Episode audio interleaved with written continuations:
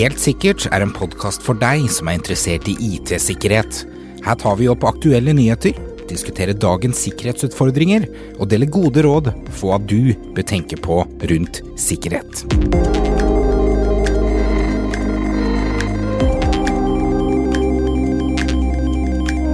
Hei, og velkommen til eh, Helt sikkert.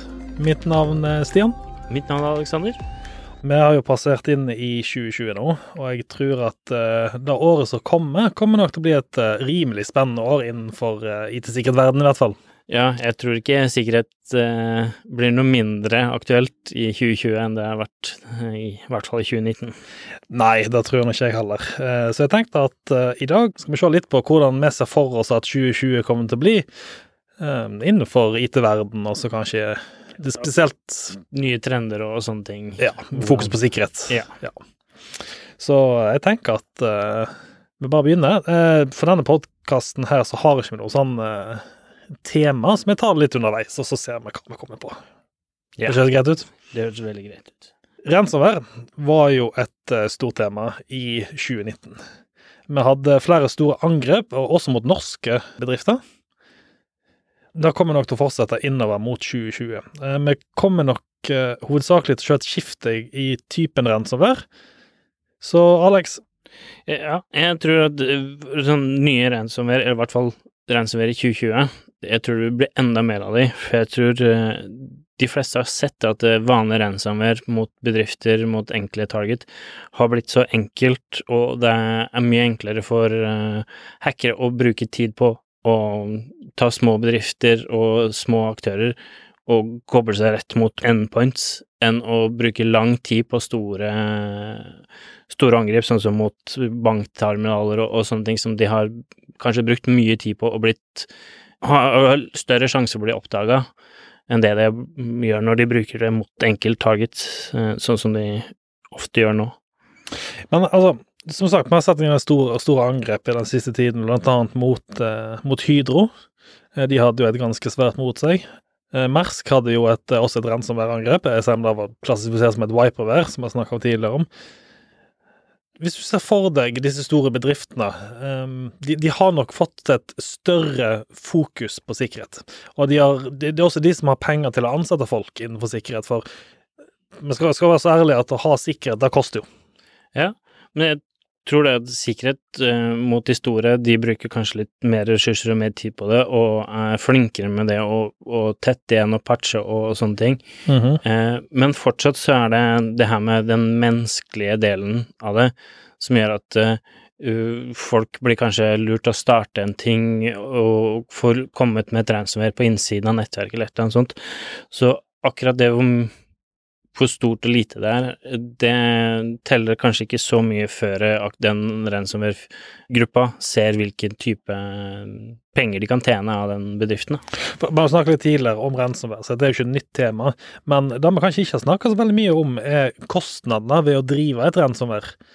Fordi det er jo akkurat som en vanlig bedrift. Man har kostnader til personell, du må betale tredjepartsleverandører. Du må betale supportavgifter, faktisk. Det er kanskje ikke så mange der ute som vet om, men de fleste som, som sender ut et ransomware, er faktisk ikke deres eget ransomware. Nei, du har jo sett flere og flere sider poppe opp på Darknet der du kan gå inn og betale for en tjeneste, og du betaler for da et ferdig utvikla ransomware, en betalingsløsning og alt mulig, Mm -hmm. så du trenger ikke gjøre noe mer annet enn å finne target du kan installere eller sende det ransomware til. I noen tilfeller trenger kanskje ikke det engang, fordi at du får ferdig leverte mål som allerede er infisert. Ja, du kan bruke Showdown eller andre typer grupper som da har funnet Her er det enkle target for å installere et ransomware, og, og du kan bare sende den ransomwaren du har betalt for, rett inn til de. Og det som sagt vi så ganske mye av i 2019, var ganske stor ransomware, som jeg sa tidligere. Eh, spesielt mot banker, finansinstitusjoner, der målet var å hente ut store deler, f.eks. fra bankkontoer til folk. Vi får de til å overføre til bank, andre utenlandske bankkontoer, de kan hente ut pengene. Ja. Og eh, det, det, krever jo litt av organisasjonen bak. Ja, og, og, i de fleste tilfeller så er det når de gjør det på den måten, enklere å oppdage. Ja, For det er større beløp, sant? så det får mye mer fokus med en gang. Ja, og så er det kanskje betaling til bestemte kontoer og sånne ting, og, og det er enklere å spore det enn kryptovaluta og sånne ting. Så, så ja, nei, jeg, jeg, tror vi kommer til å, jeg tror ikke vi kommer til å se færre angrep. Vi kommer til å se flere, men mindre angrep i 2020, tror jeg faktisk. Ja, for jeg tror den gruppa, uh, antall personer som prøver å tjene penger på ransomware, vil bare øke enda større i 2020. Ja, jo enklere det blir, jo mer marked har de som selger disse ransomwarene også. Stemmer. Og det, det, er jo ikke så lenge siden uh, en av ransomware-gruppa uh, var ikke det WannaCry, som er den gruppa bak der som, eh, som rett og slett bare slutta å selge ransomwaren sin? Ja, de hadde jo tjent de pengene de tenkte de skulle, så de ja, bare slutt å lande hele bedriften, rett og slett. Ja. Det er litt sånn kult å tenke på at eh, det er faktisk en milliardbedrift der ute på å selge disse typer programmer. Å ja, de tjener veldig godt. Hvis du følger med på noen av de kryptovalutene de bruker, så er det enorme pengesummer de eh, faktisk opererer mot. Da kan vi gå litt over til hvordan vi vil se eh, det her med mobile og ja, du tenker, de, de, Vi har jo snakka om eh, i en tidligere podkast eh, som jeg hadde, 'Spionen i lomma', heter den. Og, og, mobiltelefoner, og hvor mye data de faktisk kan samle inn fra deg som person. Ja, og det her med phishing-angrep, som vi har sett mye foregå på e-post og sånn tidligere, vil nok gå over til å bli mer og mer aktuelt å targete mot mobile enheter og sånne ting. Ja, for det, det, er jo sant at verden er på vei over til en mobil plattform. Tidligere så var vi veldig avhengig av disse stasjonære PC-ene. Husker da fikk min første. Eh, Windows 95 med DOS. Nei, DOS var faktisk første, og så kom Windows 95. Og jeg husker faktisk at jeg dro med meg den PC-en rundt til kompiser og kobla opp seriellkabel mellom, og så linka med og lagde LAN. De gode gamle tidene.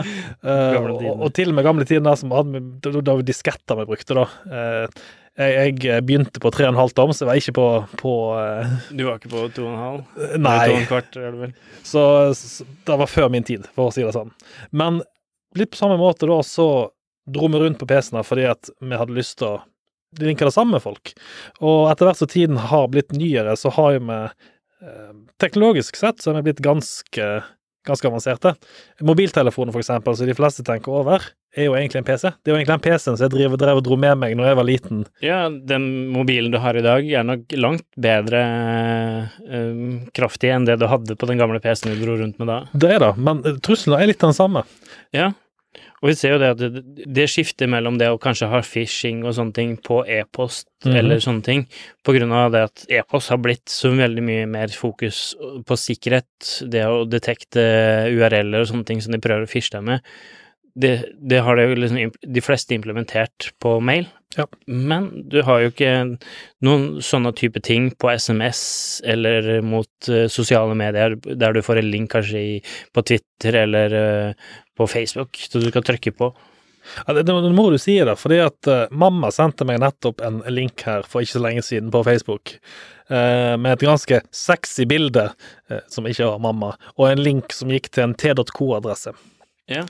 Og da, da, viste det seg at det var et virus som hun hadde fått på PC-en sin, som da gikk inn på Facebook-kontoen og sendte den linken til henne. Og de fleste av dere der ute har jo i dag mobiltelefoner fra, fra bedriften deres. Jeg har det. Eh, levert fra min bedrift. Fordi at de er avhengig av å kontakte meg ganske tidlig, og jeg bruker det som et arbeidsverktøy. Ja, du laster kanskje ned e-post, masse vedlegg og sånne ting, og leser det på telefonen på akkurat samme måte som du har gjort på PC-en. Akkurat det, så jeg bruker det som et arbeidsverktøy. Og da sier det seg sjøl at jo mer man bruker det som arbeidsverktøy, jo større sjanse er det for at eh, de som har lyst til å angripe deg, ser på det som et eh, helt naturlig mål. Ja, og når du da trykker på en link på telefonen, så syns det kanskje ikke like tydelig, du ser kanskje ikke URL-en så mhm. tydelig, mm -hmm. du, og du, du, får da beskjed om å trykke inn et passord for å logge på for å laste ned et vedlegg på outlocken din, eller noe sånt. For alt skal lettere lurt, da. Nettopp, for alt skal være så brukervennlig, sant. URL-en skal være skjult, du har nesten ingen tegn å vise. Eh, store, fine knapper å klikke på, og så begynner man Man tenker ikke sikkerhet over når man klikker på den knappen egentlig. Nei, Og når du får da, sånn som jeg har opplevd flere ganger, du får SMS-er med 'du har vunnet øh, gavekort på sånn og sånn', trykk her for et eller annet, og, og du tenker ikke over, og så får du plutselig da en ja, du må logge inn via Facebook Ja, eller sant. et eller annet sånt. Og det må du nevne, da, fordi det kom en svindelforsøk nå i i jula. Og i jula så driver folk og sender veldig mye pakker. Og da var det et svindelforsøk eh, mot Posten, der det sto hei. Pakken din er nå klar til uthenting, men det, det har skjedd et problem, så du må klikke her for å få løse opp i problemet. Det var noe sånt altså, som var litt bedre skrevet. Ja. Eh, og det var en veldig sånn type spam-virus. Når du klikker på den, så blir du tatt inn til en side der du logger deg inn med brukernavn og passord uh, til Office 365, og da hadde de plutselig e-postkontoen din. Og da, de trenger ikke da å prøve å gjøre noe annet enn å bare bruke brukeren passord du har brukt. Og, og hvor mange vil ikke da logge inn med eh, bedriftskontoen sin, for det er jo bedriftsmobilen de har den på, sant? Ja, og de, det var kanskje det at de skulle laste ned et vedlegg for bedriften, eller du skulle logge inn for å aktivere et eller annet sånt. Så det vil bli mer og mer brukt, det med private og sosiale medier, eh, for å fisje deg, da. Og, og, og eh, det kommer nok ikke til å bli mindre bruk av mobiltelefon fremover. De fleste kutter jo fasttelefonene sine og har kun mobiltelefoner. Så, så jo mer folk tar i bruk de, jo mer kommer det til å øke. Det sier seg sjøl. Jo mer fokus må man ha på løsningene, f.eks. slik som en MDM-løsning, for å faktisk eh, kunne stoppe en god del av disse truslene. Ja, og kanskje det å være enda flinkere til å bruke tofaktor og multifaktor på alle løsningene sine, sånn at ok, blir du bedt om å logge deg inn på Facebook, så har du en tofaktor på Facebook, sånn at ingen, når du da kanskje blir fisha og, og mister brukeren og passordet ditt, så kommer det ikke inn selv om det ikke har eh, Når du da har tofaktor. Et eh, annet punkt som jeg eh, tror vi kommer til å se mer av i 2020, det er utvikling av programvare. Vi har hatt en del stygge eksempler i 2019 der eh, man bruker biblioteker fra tredjepartsleverandører ukritisk i utviklingen. Ja, før så var det kanskje litt mer og mer vanlig og, og at du hadde en utvikler, eller flere utviklere, som da utvikla hele programvare med alle ting, og brukte ikke så mye biblioteker fra tredjepart for å kommunisere med andre ting. Og vi skal jo da mer og mer kommunisere med alle typer plattformer som ligger der ute i cloud-løsninger, i de nye applikasjonene vi bruker. Og da er det jo ofte at vi bruker biblioteker som du henter fra andre på internett. Og det da, Hvis du tar eksempel eh, NPM, eh, eller Node.js, som bruker da NPM Node Packet Manager for å hente ned pakkene sine. Så dere som er kjent med det, vi vet litt, også litt bedre enn meg hvordan dette fungerer, men man definerer hvilke versjoner av pakkene man skal ha i applikasjonen sin, og så kjører man da NPM og ber den hente ned alle pakkene. Og det viste seg at under 10% av alle utviklerne på NPM-plattformen hadde tofaktor aktivert. Ikke sant? Og hva, hva kan skje da, når noen andre får tilgang til kontoen og kan Ja. legge til informasjon? Så, så klarer du å infisere et bibliotek som mange er interessert i å bruke, så får du da plutselig infisert mange typer software som da gjenbruker det, det biblioteket. Nettopp du sprer til uendelig mange mennesker. Hvis du ser på enkelte av disse bibliotekene, så har de og hvis du, hvis, du, hvis du går inn på NPM, og så ser du i grafen til høyre, så ser du hvor mange nedlastinger det har vært denne uka. Enkelte av bibliotekene har 20 millioner nedlastinger. Ja. Og da sier jo seg sjøl, hver uke så kan du infisere 20 millioner nye enheter. Ja, og det, det er ikke bare med ville infiseringer som blir gjort heller, det er jo sårbarheter som folk har oppdaga i biblioteker som er ikke blitt laga med vilje, men bare eksisterer på grunn av hvordan sårbarheter kan eksistere. Eh, Og vi har jo innenfor utvikling det som kalles for DevOps, eh, der man kombinerer egentlig drift og utvikling eh, til en, slik at man har kunnskap om hele um, miljøet man faktisk utvikler mot. Vi har også noe som kalles for DevSec, som er sikkerhet og utvikling så slår jeg sammen. Veldig lite brukt. Ja, det er veldig mye diskusjoner rundt hva man egentlig skal bruke DevOps og DevSecOps og sånne ting. Ja. Det i dag at uh, du utvikler noen ting uten å tenke på sikkerhet, uh, er jo nesten umulig. Så Eh, Jeg vil si at det, er nesten umulig, men fortsatt så klarer ganske mange å gjøre det. Så det, det burde vært uh, nesten umulig, vil jeg si. Men det, dessverre så viser det seg at snarveier er ofte veldig gode å ha. Ja, det er vel kanskje noen som tenker mer på funksjonalitet enn på sikkerhet, og, og, og har, måler veldig mer mm, på det at de leverer en funksjonalitet i tide, istedenfor å tenke på sikkerheten. Og jeg tror nok at uh, jo, jo, flere vi ser av disse typer angrepene som kommer, spesielt disse tredjepartsangrepene, jo mer bevisste blir disse bedriftene som har utviklingsprosjekter på at det faktisk er et, uh, en angrepsflate der. Ja, og vi har jo også sett at uh, flere og flere programmer som har bare skrevet litt eller biblioteker da, som har skrevet litt grann annerledes enn det originalen har gjort, Mm -hmm. eh, som lurer veldig mange av de som sitter der ute, som kanskje skrev litt feil når de skulle implementere biblioteket, og så da får infisert en kode som nesten gjør det samme, men med da litt ondsinna kode i. Så, så, forhåpentligvis, eh, så og jeg tror òg at vi kommer til å se et lite skifte innenfor det miljøet. men også, det er litt andre problemer der òg. Det er at tilgang på ressurser, IT-sikkerhetsressurser, er jo begrensa. Eh, spesielt her i Norge. Man utdanner ikke nok folk. Og vil dermed da sitte igjen med utviklere som ikke har fått den kompetansen eller det mindsettet inn ennå. Ja, og, og utviklere tar kanskje ikke seg den tiden å gå igjennom koden og undersøke hva som faktisk skjer, eh, og, og gjør de sikkerhetstiltakene som, og, og, testene som burde gjøres.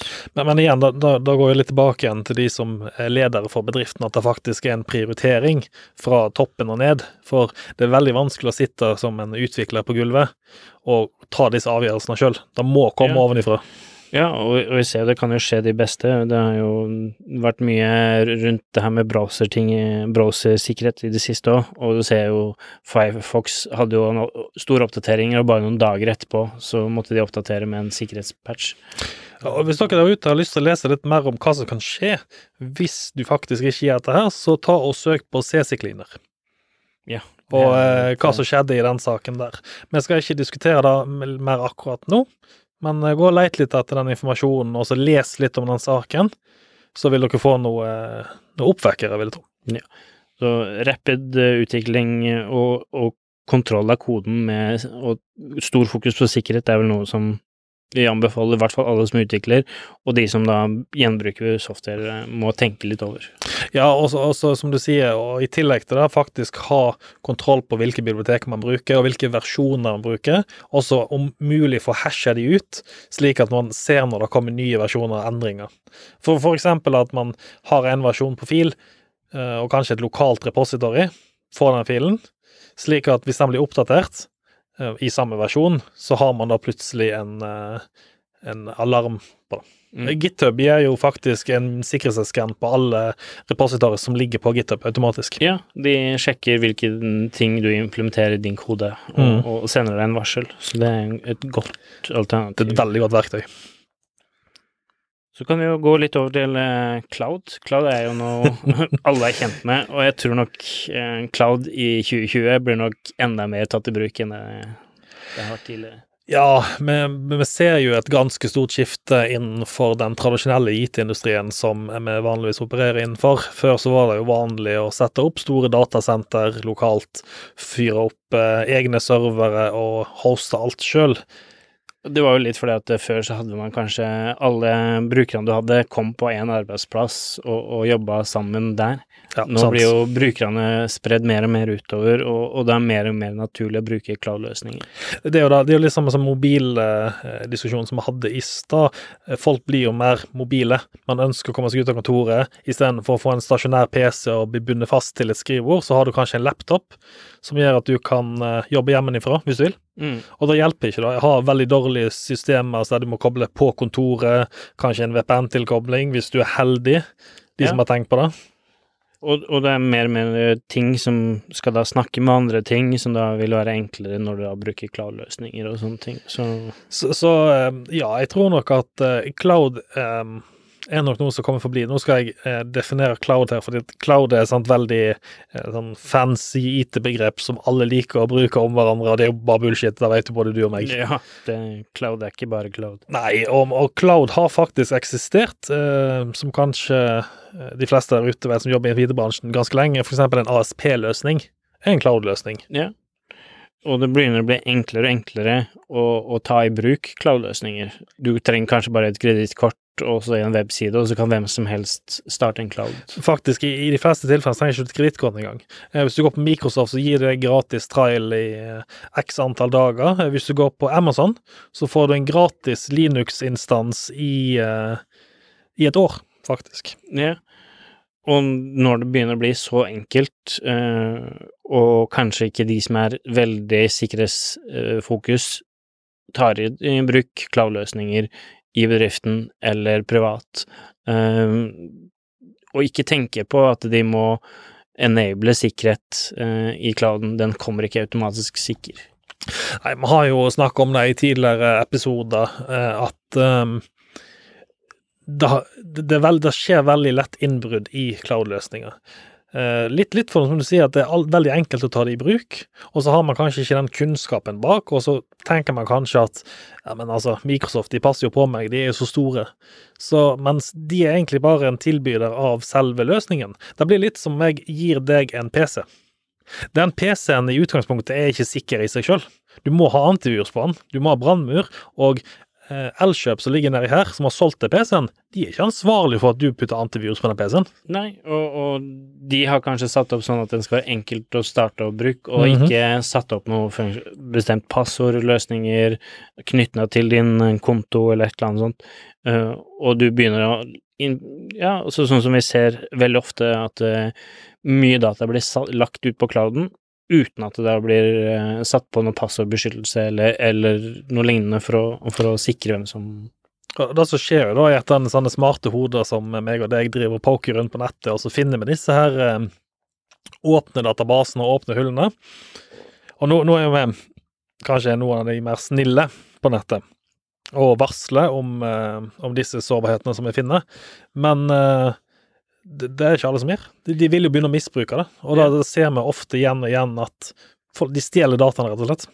Ja, og vi ser jo ofte at uh, cloud-løsningen blir også satt opp uh, som dev- og, og testmiljøer, Uh, og i den tilfellet så tenker man ikke så mye på sikkerheten, og så får man legger de fort opp i clouden i en, et par døgn kanskje, eller noen timer, og så tenker man ikke på sikkerheten, og man har ingen kontroll på hvem som kobler seg til de løsningene når de der er oppe og kjører. Ja, ofte så er det altså, Men ofte så kommer disse testlø- og utviklingsløsningene som du snakker om, av et behov fordi at ikke bedriften klarer å levere riktig eh, IT-infrastruktur. Eksempel, man har full fokus på produksjonssystemet, og så sitter utvikleren der og tenker ja, men jeg trenger å få testa dette. Så ok, da bare går jeg og bestiller en server, da, og så putter jeg dataene inn der. Så tenker man kanskje ikke over òg at man putter skarpe data inn i det systemet, og med skarpe data så mener jeg da produksjonsdata. Ja, for det er det, det, det du har lettest tilgjengelig, og det er lettere å teste ut med den dataen som faktisk eh, du vil ha i virkeligheten. Og det, det er jo eh, Dette med skarpe og eh, anonymiserte data er jo et, et tema som ofte går igjen, spesielt i testmiljøet. Eh, anbefalingen er at det ikke brukes skarpe data, men problemet er sagt å få, få tak i reelle data som du kan bruke om å teste med, og det er ganske vanskelig. Det ser vi blir brukt gang på gang, så Så altså, jeg, jeg har mistanke om at vi kommer nok til å se mange flere angrep mot, eh, mot cloud-systemene. Men det, det kommer til å øke i 2020, men det kommer ikke til å mindre av det. Etter hvert som som sagt eh, lokal IT-infrastruktur fjernes, så går de over på de andre eh, plattformene. jeg tror de som angriper, vil bli mer og mer sofistikerte og, og ta i bruk mer kompleks, komplekse uh, Vanskelige Vanskelig ord. yes.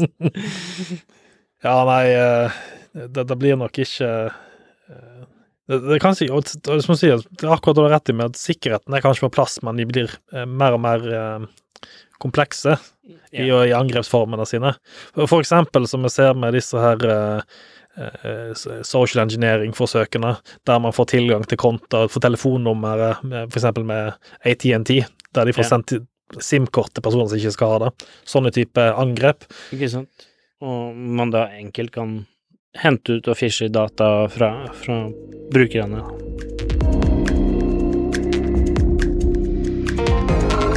Skal vi kikke litt over på det her med 5G og ta i bruk ny teknologi i det i Åh. mobile markedet, At kanskje? dette her blir gøy. Uh, vi står jo overfor et eh, skifte i 2020, vil jeg si. Vi har, vi har egentlig stått over en god del skifter i, innenfor mobilmarkedet i de siste årene. Du husker jo tilbake igjen til eh, GPRS-tiden. Ja, og det har gått så fort. Eh, Det blir jo implementert nye, raskere og bedre løsninger eh, nesten hvert år. Så, så jeg husker tilbake igjen eh, når jeg var i Forsvaret og sto på broen på fregatten, jobba, og sto med GPRS og prøvde å få inn signaler for å, for å få lasta ned kartinformasjonen. Og da, du måtte stå der og peile inn, og der fant du tårnet, og så mm, Ja. Ja. Og nå er jo hastigheten på sånn som 5G og, og sånne ting blitt så kjapt, og man får så stor dek eller god dekning da, på sånne løsninger at til og med IOT-devicer har begynt å tatt i bruk 5G. Det, det er helt rett. 2020 er startåret og startskuddet for den såkalte 5G-teknologien. I dag ligger jo mobilnettverket på såkalt 4G, eller 4G pluss, som alltid er pluss, som gir oss en opptil opp til 250 megabit per sekund i hastighet. Eh, Optimaliserte tilfeller. Eh, Ja. Generelt sett så på telefonen, hvis du tar en måling der, så ligger det på 150 megabit, som er jo Altså, nå skal jeg si at 150 megabit er bra i seg sjøl, Ja, men med 5G-teknologien så snakker vi opp i gigabit og opp til mange gigabits hastighet. ja, og infrastrukturen til eh, teleleverandøren har jo økt også, sånn at det er flere som kan da bruke nettet samtidig, og da få levert den hastigheten enda bedre. Det er akkurat det. Eh, Og jo flere som tar i bruk nettet, jo mer muligheter ser man. Eh, I dag har jo vi IOT. Eh, IOT er jo et eh, ganske stort tema. Eh, Kjøleskapet ditt hjemme, eksempel. Kamera som du har montert. Lysstyringssystemet ditt. Alt da er klassifisert som IOT-enheter. Ja, og biler som da skal koble seg på nett for å laste ned ting. Eh, andre mobile devices som du da har med deg overalt, iPader og andre ting, som da du bruker 5G-nettet til, ikke sant. Så, Men, men, og, men det store skiftet som jeg tror vi kommer til å se, er at i dag bruker alle disse enhetene som du snakker om, wi- Wifi. Eh, fordi at, Og de bruker kanskje 4G. Eh, De fleste som har prøvd å spille spill over 4G, vet nøyaktig hva jeg sier, med at eh, når man kommer til svartid og de tingene. og 5G den drar jo med seg en ny teknologi som gjør at svartiden blir drastisk redusert. Man snakker om at man skal kunne bruke f.eks. 5G til å kjøre operasjoner. Eh, slik at når pas pasienten ligger i ambulansen, så kan legen stå på sykehuset og faktisk utføre operasjon i ambulansen. Ja, og da har du en svartid som er veldig liten, eller at ting går kjempefort. Det akkurat da. Du er veldig nede i ett millisekunds svartid. Sammen med togsystemer. Man ser for seg at man skal kunne bruke 5G til styring av f.eks. togene, istedenfor å ha en lokfører om bord. Og, og sånn som du sa, alle de IOT-devicene som tidligere har brukt trådløst, eh, blir nå kobla over på 5G-nettet. Og de har kanskje ikke tenkt på det med at eh, du trenger litt mer sikkerhet når du kobler deg på 5G-nettet, for du er egentlig rett på internett, Det, det, er ikke bak en brannmur. det er moro at du sier det, fordi at eh, som sagt, med Wifi så sitter du bak en kanskje en dårlig brannmur, så har iallfall rutene din mest sannsynlig en eller annen type brannmur som blokkerer noen av angrepsforsøkene, i hvert fall. Ja, du har som regel en, en nattløsning Ja. eh, som gjør at det- en på internett har ikke direkte tilgang til den eh, devicen du setter på nettverket. Forhåpentligvis så har du deaktivert UPNP. Eh, hvis du vil ha mer informasjon, da, så går du og søker, men eh, den, det er en funksjon du ikke vil ha aktivert. Den åpner opp hele nettverket ditt. Ja. Men som du sier, som er 5G, så vil man ikke ha behov for å putte disse enhetene på Wifi lenger. Nei, de, du kobler bare rett på 5G-nettet. De får en IP-adresse, som ofte da er en public IP-adresse, som gjør at hvem som helst på internett kan koble seg rett på den enheten du, du kobler til. Så da har du plutselig eksponert kjøleskapet ditt mot hele verden. Ja. Eh, Og hvis- dere eh, der ute har sett ser se på TV, så anbefaler jeg en serie som heter Silicon Valley. Der brukte de et uh, lignende type angrep mot uh, kjøleskap. Uh, nå var det en TV-serie og funnet opp, men det er litt morsomt, fordi det er faktisk mulig den dag i dag å gjøre akkurat det samme type angrepet. ja. Og når så mange enheter kommer direkte på nettet, så vil jeg tro at eh, det her med, med sikkerhet eh, kommer til å være et stort angrepsflate for mange eh, aktører der ute å prøve å, å få tak i både kjøleskap, kanskje TV-er, andre enheter som du bare kobler på 5G-nettet. Og Vi har jo sett det tidligere, i 2019, at eh, Mirai botnettet, for eksempel, som brukte da eh, IP-kamera Den infiserte de, putta på egen firmware, og så brukte de til å angripe da i et DDoS. Ja. Så dette her finnes jo allerede, og du kan tenke deg sjøl eh, hvis du plutselig har 15 enheter i hjemmet ditt, og de begynner å DDoSe naboen din. Ja, og nå har det vært litt oppe i media, det her med, med hva slags ting man kobler på 5G-nettet med tanke på Man har kanskje et uh, videokamera Mhm. og sånne ting. Og ikke bare hjemme, men også det i, i byer. Uh, der bruker de uh, videokameraer eller lysstyring og sånne ting, som det, de kobler rett på nett. Ja, det blir kult. Og, og det kan da potensielt bli brukt rett over internett. eh. Jeg skal ha det så gøy å styre lysene hjemme hos deg. eh, Bare vent og gjør at det skal bli så moro. Men litt tilbake igjen til litt mer seriøst på det. og Så tar vi eksempel eh, industrisystemet. eh, Vannkraftverk, eksempel. Alle kloakkstyringssystemer. Alle sånne løsninger som i dag går kanskje på 4G, som er veldig asynkront, vil man prøve å få synkront. Altså man vil kunne styre, trykket på en knapp inne på kontrollsenteret, og så skal det med en gang skje noe der ute pga. svartiden. Og da kommer man plutselig et system som ikke er meint for å være på internett, på internett. Ja, og alle de trafikklysene vi bruker, for eksempel, skal jo Mhm. da sende data for å, å ha litt analyse og litt sånne ting, og kanskje da bli brukt til nødetater som skal kjøre ut, og at man da passer på at det er grønt og rødt lys og sånne ting på forhånd. Og sånne ting, når de da kobler sånne, sånn type infrastruktur på, rett på nett, det, det blir nok litt moro, tenker jeg. Vi, vi snakka litt tidligere om eh, phishing og mobiltelefoner, og at eh, vi, vi ser en økning der. Eh, du nevnte så vidt tofaktor. Ja, vi har jo sett mye der at veldig mange applikasjoner har støtte for tofaktor, og jeg tror nok tofaktor faktor var første entryen for det med å, å sikre ting, men nå tror jeg mye av det går mer og mer over til type multifaktor. Mm. Eh, Multifaktor kan jo også være da en form for eh, det vi kaller biometri og sånne ting, så du kan bruke eh, kanskje ansiktet ditt, fingeravtrykk eh, og sånne ting. Og for, for de ikke vet hva tofaktor er, bare så raskt forklart, så er det å bruke en, en enhet eller en annen måte å autentisere seg på enn et passord.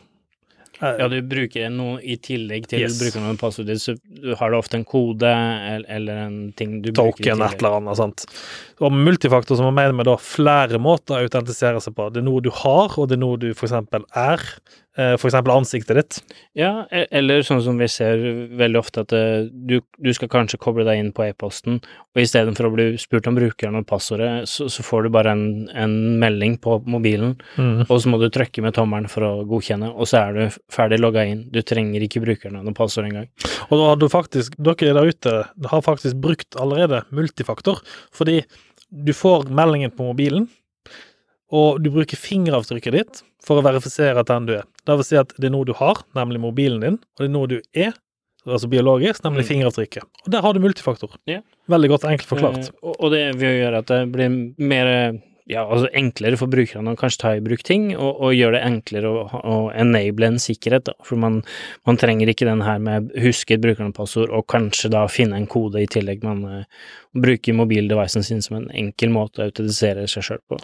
Og, vi ser jo da at det er en økning i bruken av multifaktor, som du sier, eh, blant annet for å forhindre phishing, eh, pålogging til f.eks. e-posten til bedriften din. Istedenfor at du taster inn brukernavn og passord, som du sier, så får du opp en melding på telefonen, approve, eller trykk inn fingertrykket fingeravtrykket ditt. Og vi har jo sett uh, flere løsninger på det her med multifaktor, eksempel det ansiktsgjenkjenning fra Samsung. Yes. eh, de første variasjonen de hadde, gikk kanskje ikke så bra, når man da kunne bruke et uh, bilde av noen og, Ja, det var flott. og, Den var er fin. Ja, har du sett den med Apple der de holder opp en sånn der utklipt plakat av hodet opp foran ansiktet? Ja. Eh, Det er ganske mye moro. Uh... Med multifaktor har hatt en eh, ja, kanskje en dårlig start. Men det, det er det samme som med annen teknologi, at uh, alt må testes. Og alt blir testa sikkerhetsmessig sett av noen Ja. på planeten vår. Ja, Mm. og jeg har jo hørt om uh, unger som tar mobiltelefonen opp i ansiktet til en sovende eh, foreldre, og, og får logga på telefonen og kan da bruke den og spille sånne ting. Så, så jeg tror nok at uh, min spådom for 2020 er at vi kommer til å se mye mer av de løsningene. Men som du sier, det er også de enkle løsningene. Altså forenkle hverdagen til folk Ja. ved å slippe å huske et passord, for eksempel. Ja, du bruker fingeravtrykket ditt eller ansiktet for å bare verifisere eh, når du da skal koble deg på kanskje ikke nettbanken, men eh, andre typer løsninger. Når vi da har prata litt om det med tofaktor, som da har det også vært veldig mye misbrukt eh, i det å ha den reset-funksjonen. Ja. Der du, du, du ber om å få resette tofaktoren din, eh, og du får kanskje da tilsette en kode på e-post, og mister da tilgangen til ting. Det er litt moro at du nevner det, fordi det morsomme er at jeg kan ta og knekke de fleste tofaktorautentiseringer kun ved å få tilgang til e-posten din. Ja, for det er jo det som blir brukt som reserveløsning for Nettopp. tofaktoren din, eh, og, og gjør det at uh, man kan resette og, og få tilgangen uten å ha, å ha den koden eller et eller annet sånt. Nå skal det sies at blant annet Google har begynt å komme med tiltak eh, for sånne typer angrep. Blant annet ved at når du aktiverer tofaktor første gang, så får du tilsendt en såkalt sikkerhetskode, eller du får egentlig tilsendt ti sikkerhetskoder, som mener at du skal skrive ut og lagre på et trykksted. Ja. Og de sikkerhetskodene må du bruke eh, for å få deaktivert tofaktor. Ja. Eh, og de nekter å gjøre det, hvis eh, du faktisk ikke ha den koden. Mm. Så det blir sikrere, men eh, man må i hvert fall tenke over det at eh, ikke alle kanskje tofaktorløsninger man har brukt tidligere, eh, er 100% sikre når du da har den reset-funksjonen som Nei. kanskje du du kan få en tekstmelding eh, for å resette eller et eller annet sånt. Så det å gå over til en multifaktorløsning med biometri og sånne ting, gjør det kanskje litt sikrere og litt enklere. Eh, og jeg tror nok det, det er noe vi vil se mer og mer Ja. i 2020. Tror jeg òg. Uh, og så er jo det her med angrep uh, fra onde mennesker, det vil vi Mhm. nok se masse av. Men jeg tror mye av det vi ser mer av, er eh, angrep som går på maskinlearning. Det det er litt moro at du nevner det, fordi eh, hvis, hvis vi ser tilbake ti år i tid, husker du disse Nigeria-brevene som eh, du ofte fikk? De der e-postene som eh, der du skulle ha penger fra utlandet. Be bestemor, hun gikk på sånne type ting. Hun skulle sende penger i hytt og pin og gevær, og, og jeg jobba innenfor finansbransjen, og dessverre så ser vi at til og med de enkle brevene der, så blir folk lurt. Ja, og jeg tror i hvert fall kanskje ikke sånne enkle brev, men mer med phishing med en type maskinlearning, der de ser enkelt og så ser på den dataen de får tilbake, og hvordan de kan lure enda bedre de, de man sender en sånn phishing til, vil, vil skje i 2020. Ja, eh, og, eh, og det er litt som du sier, de blir mer og mer realistiske, disse e-postene som kommer ut. For eksempel i dag så er det nesten umulig å se forskjellen på en ekte Netflix-e-post og en falsk Netflix-e-post. Fordi at det, det som du sier, de tar i bruk mer og mer avanserte metoder for å få de til å ligne mer og mer på den faktisk den ekte versjonen. Ja, Og man da bruker sånn type analysering av, av dataen du får tilbake, og kan da spisse inn hva som funker og ikke funker, så det, blir det bare enda mer vanskelig å finne ut hva som skjer. Og nå skal det sies at det finnes løsninger for å teste sånne typer angrep. Uh, Know-Before, som er Kevin Mitnick sitt selskap, faktisk, de har en uh, sånn fish-test. Uh, jeg tror også Sofos har faktisk en sånn fish-test, eh, som gjør at du kan sende ut en e-post til dine ansatte, som ligner helt på f.eks. Microsoft sin aktiverings-e-post, eller Microsoft du har fått ny mail, eller Microsoft sin Teams. Noen prøver for å få kontakt med deg. Ja, og de ser jo helt ekte ut. De er knallike. og nå skal ikke jeg nevne navn, men jeg kjenner noen som har gått på den der, ja. og de er ganske flaue etterpå når eh, de dukker opp i statistikken på hvem som skal har klikka på den knappen. Ja. Og, og i sånne løsninger så er jo ofte kanskje det med å gjenkjenne domener og sånne ting eh, vært et, en metode man kan bruke for å, å Ja. Finne ut om det her er phishing eller ikke. Men det her ser vi da at det blir enda vanskeligere i framtiden, da vi eh, bruker mer Unicode, eh, det vil si at det, Mhm. du bruker en kode istedenfor å skrive en bokstav Ja. eh, som ser helt lik ut. Så når du ser på domenet, så ser det helt likt ut med det nakne øyet. Det, det er moro at du nevner det, for det, det ble faktisk vist et eksempel her på en sånt Unicode-angrep, der noen hadde gått inn og registrert eh, www.google.com, men de hadde registrert Unicode. Slik at for brukeren som eh, hadde browseren oppe, så så det ut som de besøkte Google, men da du egentlig var inne på disse Unicode-adressene, altså prosent 20 prosent stjerne, et eller annet Ja. sånn type Og de her blir da rapid utvikla og satt opp nye domener hele tiden med sånne løsninger, sånn at man da Ja, man går på en link eller går på en ting som det er enda enklere å, å bli lurt på.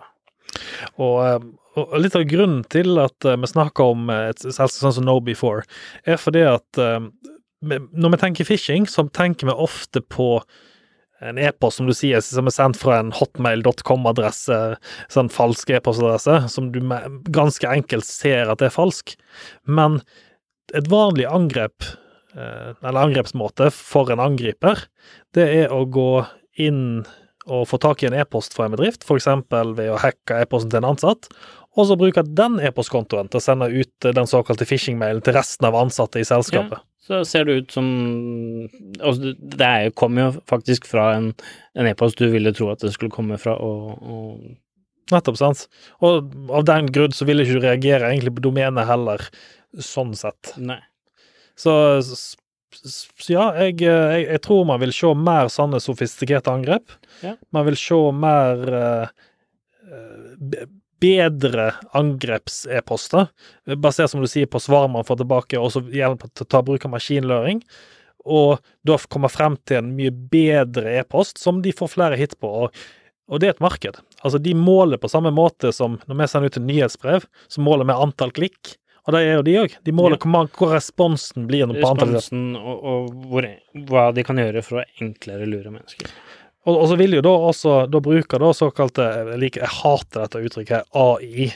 Eh, AI-algoritmer. Yeah. Eh, men de, de, vil begynne å beregne hvor stor hitrate de får ved å gjøre endringene, slik at de faktisk, før de sender ut, eh, kan da beregne med at ja, vi gjør sånn og sånn, så kommer vi tilbake 14% Ved å endre da den teksten slik, så øker vi det til 18% Og dette skjer da allerede før de har sendt ut angrepet, så eh, Ja, det, du, er, du, er, mer sannsynlig for at folk vil gå på de smellene i fremtiden. Ja, og det blir bare enda mer likt originalen.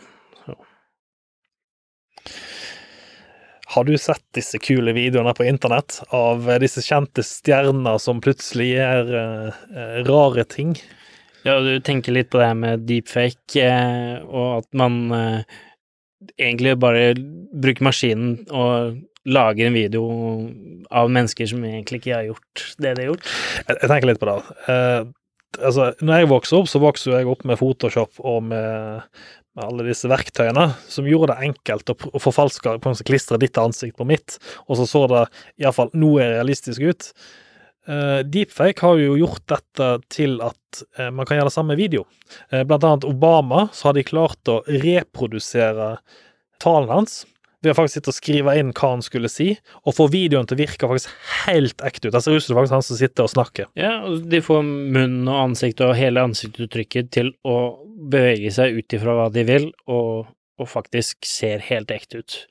Og dette krever en del maskinkraft, og maskinkraft kommer jo bare til å bli for det første billigere i tiden som kommer, men uh, det gjør det også enklere for hvem som helst å ta i bruk teknologien. I dag er det nok uh, det, det enkelte personer som, som, lager disse videoene, som sitter med uh, kunnskapen, men litt liksom annen ting. Alt blir enklere.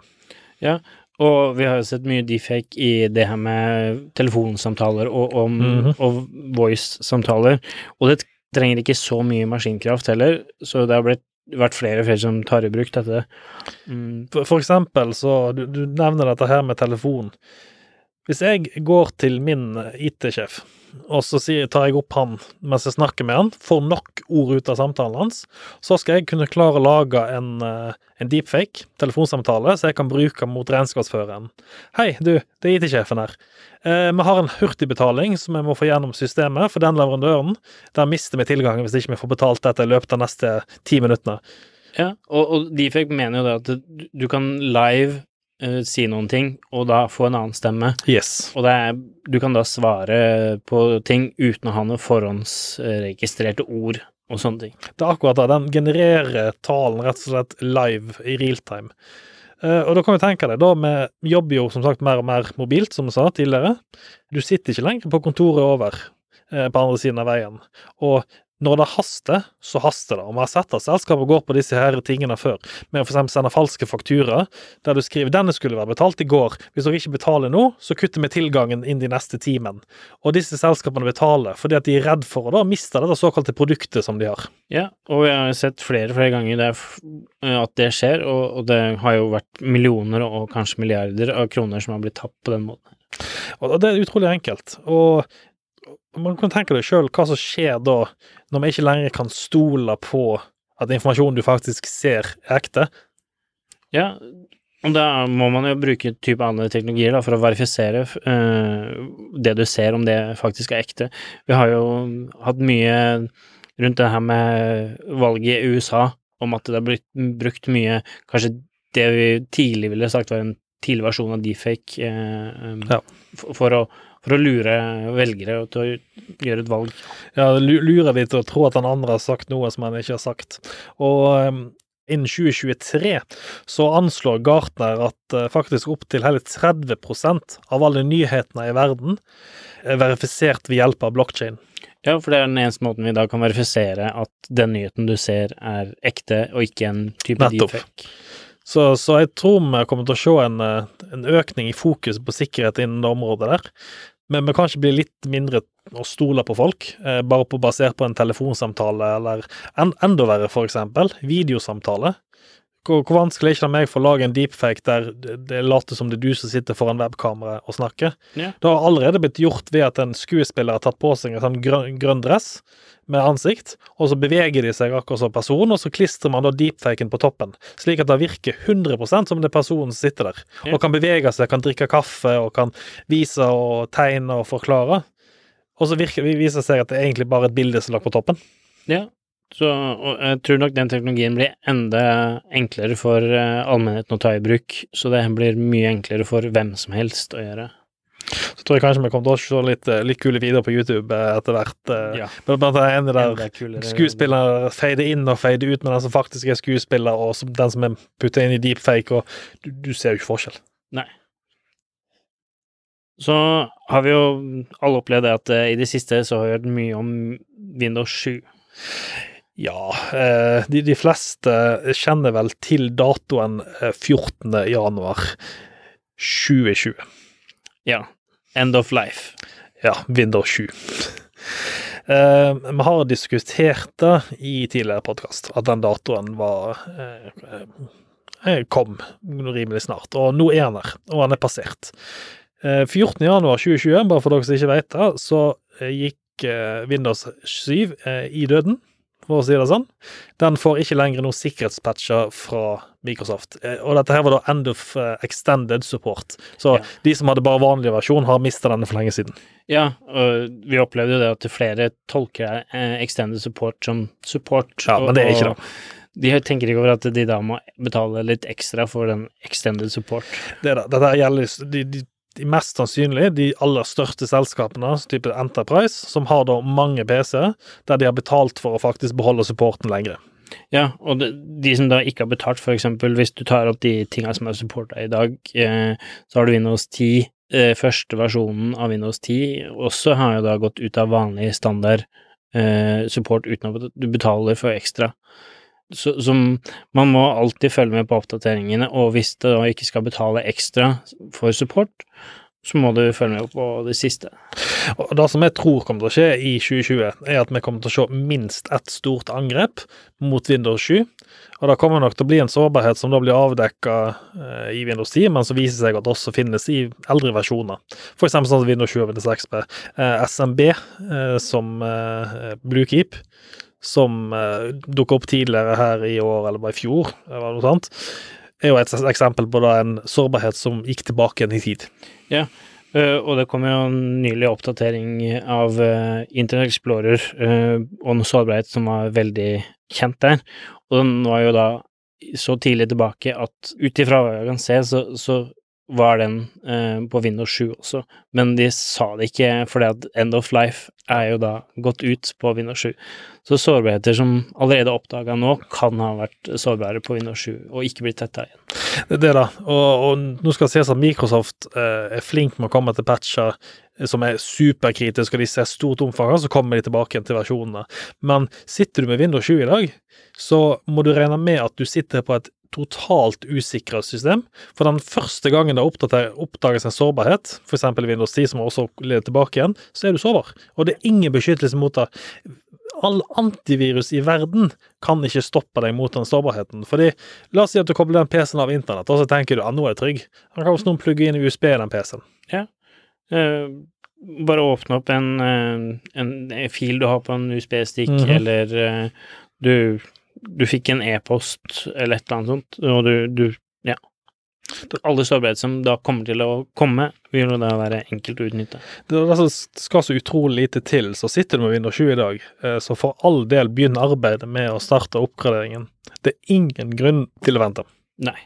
Og vi har sett at i Windows 10 så har du veldig god support for uh, programvare uh, som du kan da kjøre i det Windows 7-mode uh, og, og, få support, og det ting funker. Og så skal vi si at vi har jo kunder som sitter på Windows 2008 i dag. da skal også si at Windows 2008 er også end of life i denne oppdateringen, ikke bare Windows 7.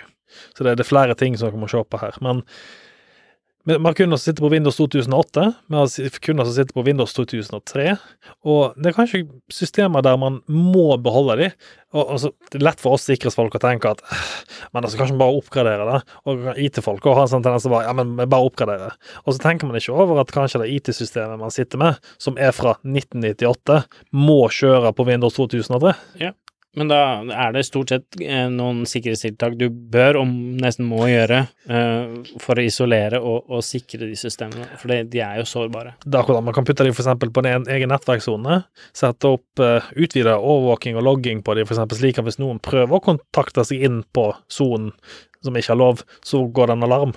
Ja, eller bare si at de maskinene som da kjører den eldre versjonen, skal ikke ha tilgang til internett du, du kan bruke de på nettet internt, men skal ikke få lov til å gå ut på nettverket eller ut på public internett. Så ja, eh, for å avslutte den litt, Windows 7 bad. Yes. Windows 10 good. Oppgrader. Oppgrader, rett og slett. Vi har, har snakka litt om eh, ransomware tidligere, men eh, Melvær-angrep har vi kanskje ikke sagt så mye om. Vi har sett ganske store angrep i 2019, og vi kommer til å se enda større angrep i 2020. Utfordringen blir at de angrepene som vi kommer til å se, kommer til å gå mot de infrastrukturen der de har brukt mye penger på sikkerhet. Rett og slett fordi da koster de mye penger å bli angrepet av et uh, Melvær, f.eks. Man kan bruke det som en utpressingsmulighet. Uh, ja, og Melvær i dag er jo blir jo bare enda mer uh, sofistikerte, sofistikerte. Uh, og, og, utviklere av uh, Malware blir bare enda mer rapid, eh, og man får nye versjoner hele tiden. Og det er litt moro, fordi at hvis vi ser på ransomware, som er en såkalt veldig enkel måte, som vi snakket om tidligere, å ta i bruk, koster lite, kan kjøpe det her der, så krever ofte Melver litt mer, fordi at man skal angripe veldig spesifikke systemer, kanskje. Man har sett for seg et mål, og pekt ut et mål, og så går mot man mot det målet. Og litt da med at systemene blir mer avanserte, så må Melver bli mer avansert. Og hva er den enkleste tingen å angripe i et IT-system? Hvis, hvis, du skulle sagt én ting, Aleksander? Det er den menneskelige faktoren. Yes. Det er Få et menneske til å gjøre en ting, det er nok mye enklere det å enn å bruke masse ressurser på å utvikle et malware. Det er et moro, fordi eh, jeg går hele tiden tilbake til eh, Bruce Schneier, som er en ganske kjent eh, sikkerhetsforsker. Han kom med uttrykket 'security by obscurity'. For å bare forklare litt kort hva det er, så handler det om å gjøre sikkerheten så kompleks og uforståelig at det skal være en sikkerhet i seg sjøl. For eksempel et uh, påloggingsfelt, der du har massevis av felter med å fylle inn, men alt du egentlig trenger å gjøre, er å klikke submit, og feltene kan stå tom. Men det ser utrolig fancy ut. Yes. Sikkerhetskontrollen på flyplassen, for eksempel, er et veldig godt eksempel by security og by obscurity, fordi i realiteten så er det egentlig ikke noe sikkerhet i sikkerhetskontrollen. Den er der for å gi et inntrykk av sikkerhet. Fordi hvis jeg skulle ha fått noe inn på flyplassen, så hadde jeg gått til han med i bagasjen. Han som putter bagasjen inn i flyet, og sagt 'her er to millioner, putt den på flyet'.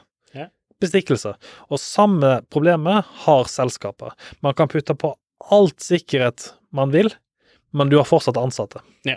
Du har den menneskelige faktoren som er mye enklere å misbruke enn en det å prøve å gå rundt det her med, med antivirus og, og malware detections og sånne ting. Det er det, da. Så, så jo mer sikkerheten øker, og fokus på sikkerhet øker, så kommer det altså å bli mye mer eh, angrepsmuligheter mot de ansatte. Ja, Og ny trend er jo det, og, og de sier at hackere øh, angriper ikke lenger, de hacker seg ikke inn på systemer. De logger seg inn på systemer, Ja. for de allerede har brukernavn og passordet ditt. Så, så hvis jeg, som angriper som skulle angripe selskapet AAS, så hadde jeg gått til en eh, mest sannsynlig litt mer lavere ansatt, kanskje innenfor kommunikasjonsavdelingen, for da vet jeg at sikkerheten er dårlig fra før, og de tenk, har ikke heller den IT-driftstankegangen. Da hadde jeg gått og sagt du, her er 15 millioner, alt du trenger å gjøre er å ta den USB-pinnen her og putte den i PC-en din, og så går du. Eller bare du, du sier at det her er Ja. en kattevideo, og se på denne. Yes. Uh, Og det, det er jo brukt som phishing, men vi vi snakker om innsidetrusler. ja. Uh, som sagt, 15 millioner kroner. Alt vil, jeg ville betalt for det.